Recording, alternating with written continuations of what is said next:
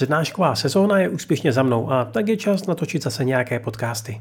Pokud se mimochodem chystáte do Japonska a chtěli byste získat aktuální informace a typy k přípravě cesty, najít je můžete v nové sérii článku na mém Patreonu a Piky. Odkazy jsou v popisku a teď už pojďme na novinky s parádním číslem 111.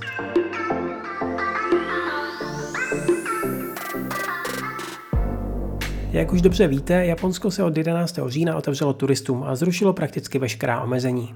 Abyste mohli vyrazit, potřebujete mít za sebou tři očkování nebo PCR test udělaný maximálně 72 hodin před odletem. Zatímco vy možná kupujete letenky, premiér Kishida řeší církev sjednocení, kterou si můžete vybavit z případu atentátu na bývalého premiéra Shinzo Abeho.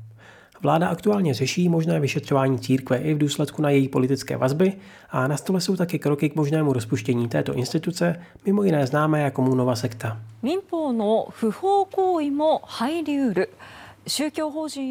Premiérovi by se nějaký pozitivní zásah hodil. Jeho preference totiž dlouhodobě klesají, podobně jako japonská měna. Podpora Kishirovy vlády se propadla dokonce pod 30%, což je polovina toho, kolik měla před půl rokem. A hodnota jenu je na tom ještě hůře. Vůči dolaru má nejnižší úroveň od roku 1990. Nám turistům mířícím do Japonska se to ale docela hodí. Pokud máte to štěstí a jste zrovna teď v Yokohamě, můžete se tento víkend zajít podívat na české trhy.